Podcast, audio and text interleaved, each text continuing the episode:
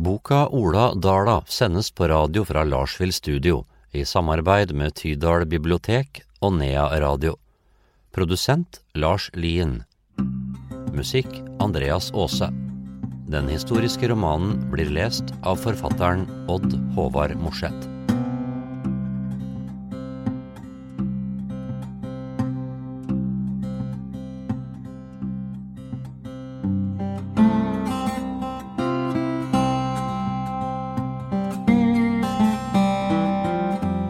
Kapittel 12 Det er tirsdag 14. oktober 1823. Tømmer og laft. Det sang jevnt og monotont av saging fulgt av taktfaste dumpeslag fra øksehogg. Det var full drift i skogen nede ved Håvåsengene.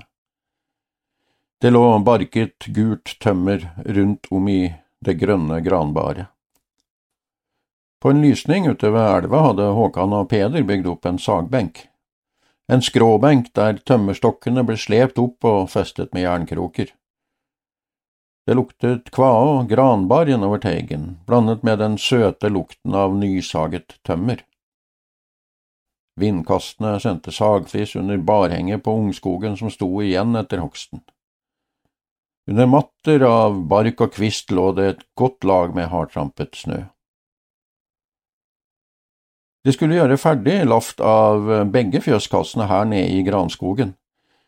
Det ville lette tømmeret før frakten oppover dalen, men mest av alt var været lunere her som skogen skjermet mot vind og kulde.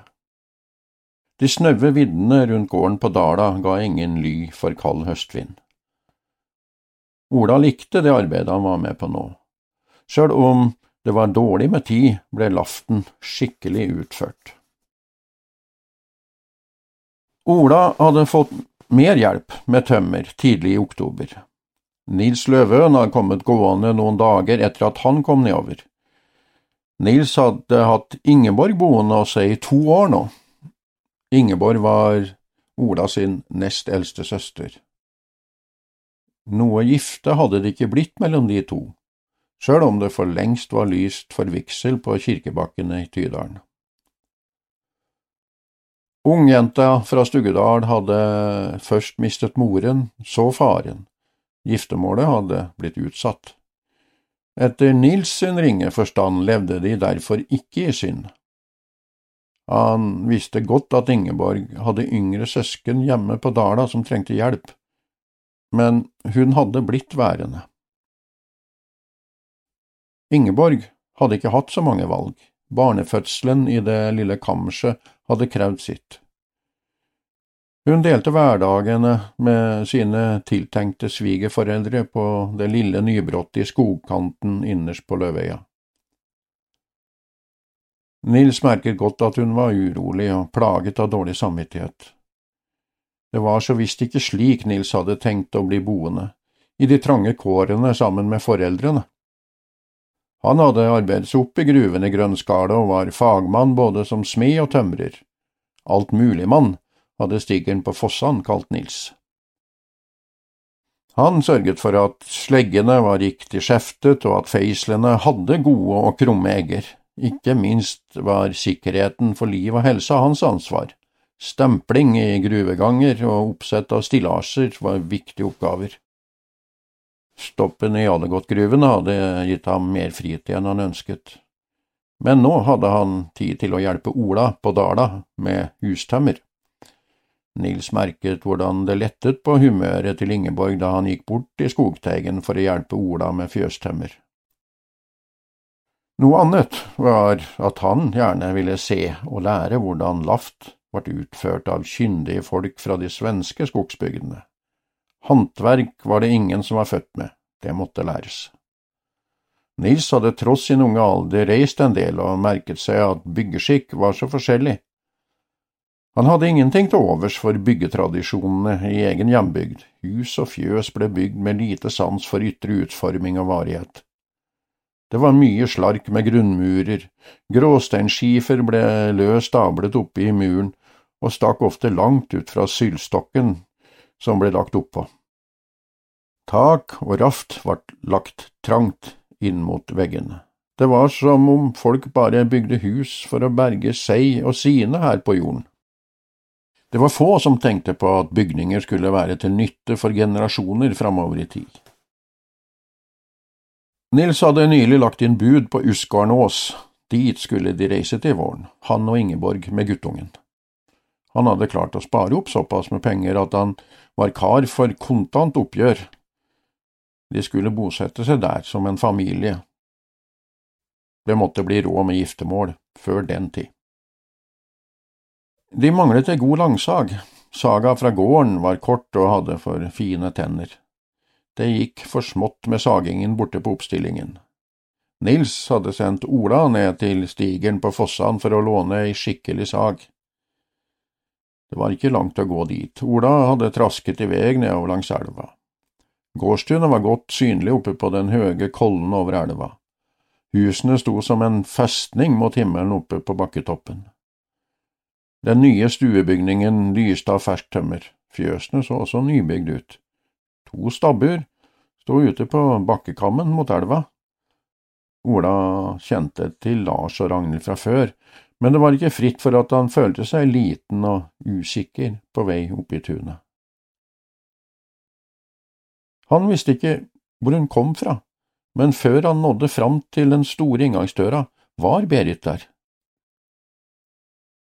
Han ble like overrasket som en tyv, tatt på bar gjerning. Det var begynt å mørkne, kanskje kom hun fra fjøset. Berit, sa han bare. Der sto hun, like rødkinnet og like rett fram som sist. Han hadde begynt å snakke om ei langsag til oppstillinga som de kanskje kunne få låne. Klart det, vi har to, men far er nede på Kirkevollen hos Jo Persen, du får gå inn og vente. Hun forsvant like fort som hun kom. Han gikk inn i den store gangen med trapper opp til andre etasje. Det var stille i huset. Skulle han bare gå inn og sette seg? Han som hadde skogboss og sagfliss på klærne og kvaa som satt svart og seigt klistret til hendene. Sko og strømper var sikkert fulle av flis og barnål. Det var mørkt i gangen. Han satte seg i loftstrappa og ventet. Det hang et speil på veggen, over et lite brunlasert bord med en hårbørste på. Hadde Berit stått der nå, ville han sett henne både bakfra og forfra, mens hun børstet det lyse håret. Sett armene i lette bevegelser rundt hodet og øynene som vurderte om alt var bra nok. Plutselig, helt tilfeldig, ville hun se han som satt i trappa, og øynene ville lyse opp i speilet. Ola smilte forsiktig tilbake mot speilet i mørket. Ragnhild kom inn gjennom døra med bøtte nysilt mjølk. Er det her du sitter? Kom inn, sa Ragnhild og vinket han med seg. Han prøvde å sette seg borte på vedkassa, men Ragnhild hadde tatt tak i Ola og holdt han om nakken. Ville vite hvordan det gikk, om Halvor og Anne og gården, og om han trodde de ville klare seg gjennom vinteren. Ola hadde følelse av å bli vurdert opp og ned mens alle spørsmålene skulle besvares. Nå blir du til kvelds, sa hun bestemt. Hun satte i gang med å kaste småved inn i en stor komfyr. Snart kom Lars sammen med Berit og Erik. Det var nye spørsmål å besvare. Lars hadde spørsmål om det meste. Han skrapte seg i det bustete skjegget og ville vite om planene for det nye tunet. Til slutt hadde Ola kommet til med ærendet sitt, om det var ei langsag han kunne låne. Det må det bli ei råd med, men nå må vi få litt mat i den her magre skrotten, Ragnhild, sa Lars og snudde seg mot kona. Han hadde fått tilbud om å overnatte, men det hadde vært umulig å se for seg at han skulle legge seg møkkete i sengene på Fossan. Berit hadde kommet ut i døra da Lars var gått for å hente svansen. Kanskje jeg skal bake litt brød? og komme bort i skogen med en dag, sa Berit oppe fra trapphella. Det skal du ikke tenke på, vi klarer oss. Han hadde angret like fort som det var sagt. Hun hadde gått ned trinnene, kommet nærmere, tatt tak i jakkeermet hans og med lav stemme sagt at det skal jeg da tenke på. Innunder gapahuken om kveldene hadde Ola fått høre mange historier om livet som skogsarbeider i Elvdalen. Det var kanskje ikke så stor forskjell på Armo enten den var her eller der. Håkan fortalte om når våren kom og tømmer seilte fritt nedover Østerdalselven og ut på en isfri Siljan. Da var tiden kommet for jegmesteren som skulle summere alle stikkbøkene etter tømmermålerne og beregne sluttoppgjør. Det daler rikdom i sølv over skogens falk når oppgjøret kommer, sa Peder med lyrisk stemme. Han strakte armene ut foran seg og vendte håndflatene opp, som for å ta imot det som måtte komme. Den her ene dagen i året, sa Håkon og fortsatte fortellingen. Pengene ble fordelt og gjeld hos handelsmenn og ågerkarer slettet.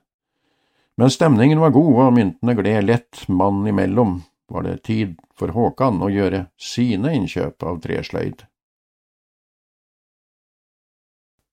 Ola og Nils hadde stått i mange dager og dratt i langsaga de hadde lånt, mens Peder og Håkan hadde kommet godt i gang med den krevende jobben å økse måfar og tilpasse lafteknuter.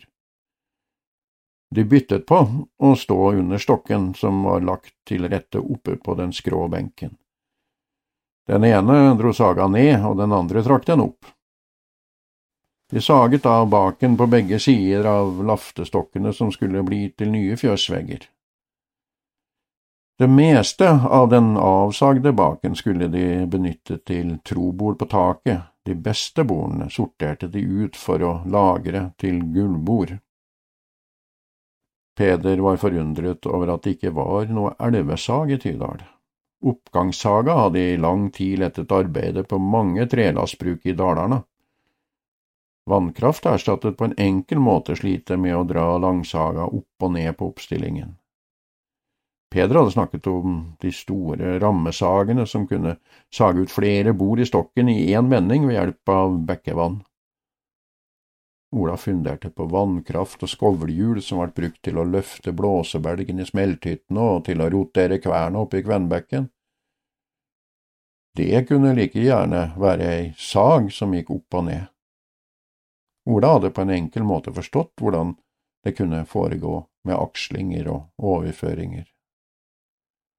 Nils spurte og gravde om hvordan en slik anordning var satt sammen. Han lå halvt oppreist på albuen i granbaret det virket som om han var i gang med å bygge saga bit for bit oppe i hodet. I skumringen noen dager senere hogg Peder og Håkan ut kiler i lafteknuten og tilpasset småfar borte på lafteplassen. Bilene gled løst og ledig gjennom hendene deres. De ga seg ikke før stokken lå stødig i veggen og laften var i lås. Det var mye lemp og løft før stokken lå godt nok. Fire mann i arbeid, så lenge det var dagslys, hadde gitt resultater. Én firkantet tømmerkasse sto allerede ferdig i kveldslyset. Nils dro på nytt i saga, og Ola hengte den magre kroppen på og dro ned. Han sto på en haug med sagflis, skuldrene og lua var gul av sagflis. Det var tungt og monotont arbeid, som snart var over. De regnet med å være ferdig med saging av alt langtømmer før mørket kom for fullt i kveld. Det kom til å bli mer saging av tømmer til gavlene, men nå var det meste gjort. Nils gledet seg til de neste dagene i arbeidet. Da skulle han få prøve seg på knutene i laften. Han skulle vise svenskene at han var god nok med bilen, Flisene skulle bli like jevne og flate som deres, flisene skulle danse lette og tynne ned i baret, der de skulle krølle seg i ring om seg sjøl. Nils løftet ikke opp saga, den ble hengende ned. Planken kom deisende ned i stabelen like ved der Ola sto. Nils kom spaserende nedover stokken og slo løs krokene før han hoppet ned i baret. Det var tid for en pust i bakken. og Han løftet på armene og trakk i ømme skuldre. Lite fart på saga, sa han med en glis til Ola under sagbenken. Ja, vi får nå se om det blir bedre fart nå når du skal stå i fliseraset. Ola likte at det hadde kommet humør tilbake i arbeidet, sammen med Nils. Han var så lett og kjapp i kommentarene, han likte å lage konkurranser ut av det å være sterkest og raskest, det var uansett behov for pauser skulle han holde ut dagen. De la seg bakover i baret og så opp mot den grå himmel. De hørte dump av økser og biler som ble slått i tømmeret borte på lafteplassen. Noen snøfnugg danset ned mellom trærne og smeltet på de varme kinnene. Det var pause. Det var snart kveld, men det var fortsatt rom for en siste økt i skumringen. Ola fulgte noen meiser med øynene. Det så ut som de hoppet forvirret rundt fra grein til grein i noen smågraner. Det var store forandringer i den vante tilværelsen deres. Matforrådet de så møysommelig hadde bygd opp, inne i granbaret gjennom sommeren, var borte. Spisskammerset de var avhengige av gjennom vinteren, var umulig å finne tilbake til. Han husket ordtaket far ofte brukte. Den ene sin nød, den andre sitt brød. Berit hadde kommet med brød en dag og ordnet med varm mat borte på bålet. Hun hadde satt seg ned ved siden av ham. De satt lenger enn vanlig med maten. Det var vanskelig å gå tilbake til arbeidet men han kunne ikke bare sitte der mens de andre arbeidet. Hva kom Berit til å tenke om han da? De hørte hest og slede komme mot dem i skumringen. Borti skråningen mot elva dukket hesten opp med Henrik på Stuggevollen bak tømmene. Det var Lars som hadde sendt han i vei for å begynne å kjøre tømmer oppover til det nedbrente tunet. Er det is på elva oppe i dalen? spurte Ola forundret. Nei, øh, men far viste lei der vi kan unngå elver og sjøer. Her ser det ut til at det er godt med kjøring å ta fatt på, sa Henrik. De snakket ikke mer om kjøreleia. Henrik hadde vært med og leita etter broren sin, Erik, oppe ved elva her for noen år siden. De fant han druknet oppe ved Spønneset. Han hadde gått gjennom isen. Ola forsto at gubben på Stuggevollen ikke ville risikere at flere skulle drukne. De ryddet plass i granbaret til Henrik da det ble kveld borte ved gapahuken. Ingeborg hadde sendt med ei gryte med kokte saueknoker. Peder løftet gryta av gløren i nyingen. Det var ro over karene i kveld. De nærmet seg målet de hadde satt for arbeidet. Mye sto fortsatt igjen, men det tyngste arbeidet var gjort. Det var bare Henrik som kjente seg urolig. Hjemme på Stuggevollen gikk Elen med stor mage. Det var vanskelig å forstå at en vevrig jenta kunne forandre seg slik bare på noen få måneder. Kanskje var han far før han rakk å komme hjem fra denne kjøreturen. Det ville bli vanskelig å legge seg til i gapahuken i skogkanten i kveld. Han hadde aldri før kjent på en slik uro. Den lyse, krøllete luggen stakk fram under lua. Det bustete øreskjegget var mørkt. De blå øynene satt dypt inne ved neserota. Det kom fram en fure oppe mellom brynene mens han dyttet inn en flis med skråtobakk i kjeften. Det må være som å starte på et nytt liv, det å bli far, sa han opp mot den kalde kveldshimmelen. Ola og Peder visste ikke om det var noe å svare på slikt. Han som nylig var blitt far, og han som alt var bestefar, fant heller ikke noen ord for slike tanker. Elvebruset og vinden som suste i grantoppene, kom heller ikke med noe fornuftig svar. Peder la en ny stokk på nyingen og så røyken forsvinne med vinden ute i kveldsmørket. Snøen kom seilende forbi lyset fra flammene. Ola måtte sørge for å få svar på det spørsmålet en dag.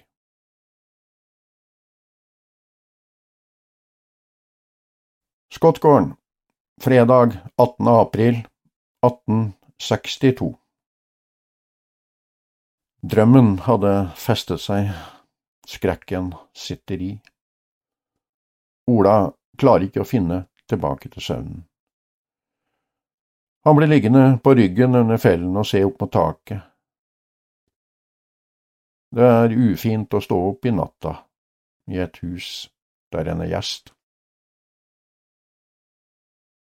Han er ikke redd, han har aldri hatt problemer med redsel, var knapt redd for noe som helst. Det var bare det at de brå øyeblikkene får skrekken til å feste seg. Ola blir liggende inne på kammerset og kjenne at den nakne, avkledde frykten vil ta tak og skape uro. Han hører vinden som lager lyder i veggene. Dagslyset kommer forsiktig gjennom de små, snødekte rutene. Han leter med øynene oppunder takbjelken og følger konturen av feit furukvist og årringer i takbordene. Det tar tid å vente på dag. Han setter ikke beina på gulvet før lyder i huset forteller at folket har begynt å våkne til liv. Det knirker i gulvplanker og skramler lett i dørlåser. Ute i gården begynner hundene å gneldre. Hvitt morgenlys slipper inn med sprosser i vinduet. Han sitter på kanten av senga og lytter til forsiktige stemmer fra unge og voksne. Drømmene fra i natt har mistet sine skarpe tenner. Ola drar på seg ullstrømpene og kler seg sakte og omstendelig. Til slutt snører han på seg skallene. Det er alltid skaller på beina vinterstid. Ola har sydd skaller til seg sjøl og ungene etter hvert som de har vokst opp. Han syr fortsatt med senetråd, sjøl om bekktråden er kommet i handel. Bekktråden er for skarp og gnager seg inn i det myke skinnet. Bekktråd skal brukes til det det er egnet til, til grimer og lærsko. Han lærte tidlig å trekke senetråd fra bog og lår under slakting. Skalleskinnet får han tak i når det er reinslakting. Alt av eh, skinn blir spikret på løvveggen og tørket i høstsola. Fettrestene som måtte være igjen, hjelper meisene til å fjerne. Nede i skallene er det slitesterkt stargras. Ola skjærer graset på myrene om høsten og lagrer det i kasse på løa. Graset må skiftes jevnlig for å holde føttene tørre og varme. Det kan bli langt mellom vask av føtter og tær. Det er behov for kaldvann i ansiktet og frisk luft i lungene. Nettene er ikke enkle å komme seg gjennom lenger. Han legger turen om stallen med vannbøtta. Jørgen kommer med en knippe høy. Han har eh, naturlig nok interesse for hest, slik gården har ligget i vinterslepa mellom Jusnedal og Røros. Etter at sommervegen er ferdigbygd, har trafikken endret seg, men det er fortsatt behov for vinterkvarter på gården. Det er færre spørsmål om husrom og stallplass sommerstid. Da finnes det beitemark langs kjøreleia og losji under en busk. Det er litt av en hest du har. Jørgen stryker den ravnsvarte hesten over flankene. Det er nok en ekte døl, det der, ja. Den der fikk jeg tak i som unghest, knapt temt. Den kom til Røros i et stort følge som kjørte korn fra Gudbrandsdalen. Den er født oppe i bakken overfor Ringebu. Avlet ved en tilfeldighet, ble det sagt. Jørgen går rundt hesten og stryker leggen og løfter på høver. Hovskjegget er langt og raggete. Man og hale er svart og fyldig. Hesten er nesten én fot høyere enn de andre hestene på stallen. Han stryker over de kraftige flankene. Den har gått som hingst, sier Jørgen. Ola liker at folk har blikk for hester, og nikker både anerkjennende og bekreftende. Den kom som hingst, og ble ikke kastrert før i femårsalderen. Noen fakter har den fortsatt. Ja, vi har tre hester på Dala nå. Den ene er ei svart merr etter den her, som kom med føll i juni. En slik hest kan da umulig være avlet med en tilfeldighet, som du sa. Ola forteller gjerne om det som skjedde da han kjøpte hesten. Det er alltid godt med en hesteprat. Den het Svarten da den kom kjørende til Røros. Jeg skulle stalle opp for natta like over brua ute på Pappenheim. Der holdt en noen kar på med å få hesten inn i leiestallen. Det var ikke enkelt, stallporten var lav og hingsten gikk opp på to. De fant en annen stall til hingsten, litt lenger nede ved elva. Jeg rusla etter dit, det er så rart med det, når du ser en så fin hingst. Jørgen nikket to ganger til det, det er enkelt å forstå. Ola går fram og henter den tomme vannbøtta. Johannes het tingsteieren som sa han kom fra Sæterhagen øverst i Venabygda. Han hadde hatt merra si gående på beite bak husene da en løs hingst sprengte seg inn. Merra var i brunst. Bedekning var det umulig å stoppe, men som vanlig var hingsten enkel å få tak på etter sprang. Han kjente til hesteeieren under bakkene, som han sa. Det var en ettertraktet avlshest, og bonden ville ha sprangpenger om han hadde lukkas. Johannes varslet ikke om at det kom føll året etter. Det er nok knapt vanlig å betale for tjuvparing i dalen der heller, kan jeg tenke meg, mente Jørgen. Det vart nå i alle fall slik at vi akkederte kjøp. Kanskje ble det en stiv pris. Uansett endte det med at jeg tok med meg hesten på hjemveien. Døren fikk skyss med den tomme sleden i følge sørover. Svarten fikk navnet Lukas. Alt på den turen. Jeg var ikke i tvil om at hingsten hadde lykkes. Jørgen plukker opp høyrester og samler den svarte panneluggen til Lukas. Han ser inn i de svarte øynene til en ekte døl. Den sterkeste trekkrafta en kar kan ha mellom hendene. Ola hooker seg ned og åpner stalldøra. Jeg har alltid likt å lese om Jesu liv fra evangelisten Lukas. Det skjer ganske ofte at jeg leser om den barmhjertige samaritan når jeg har husandakt. Når turen blir lang, kan jeg jo sitte bak hesterumpa og snakke noen alvorsord med Lukas. Jørgen går bort til stalldøra og rister på hodet. Ser ut på snøværet og så bort på Ola igjen. Han ler og går ut i snøfokket for å hente høy til de andre dyrene.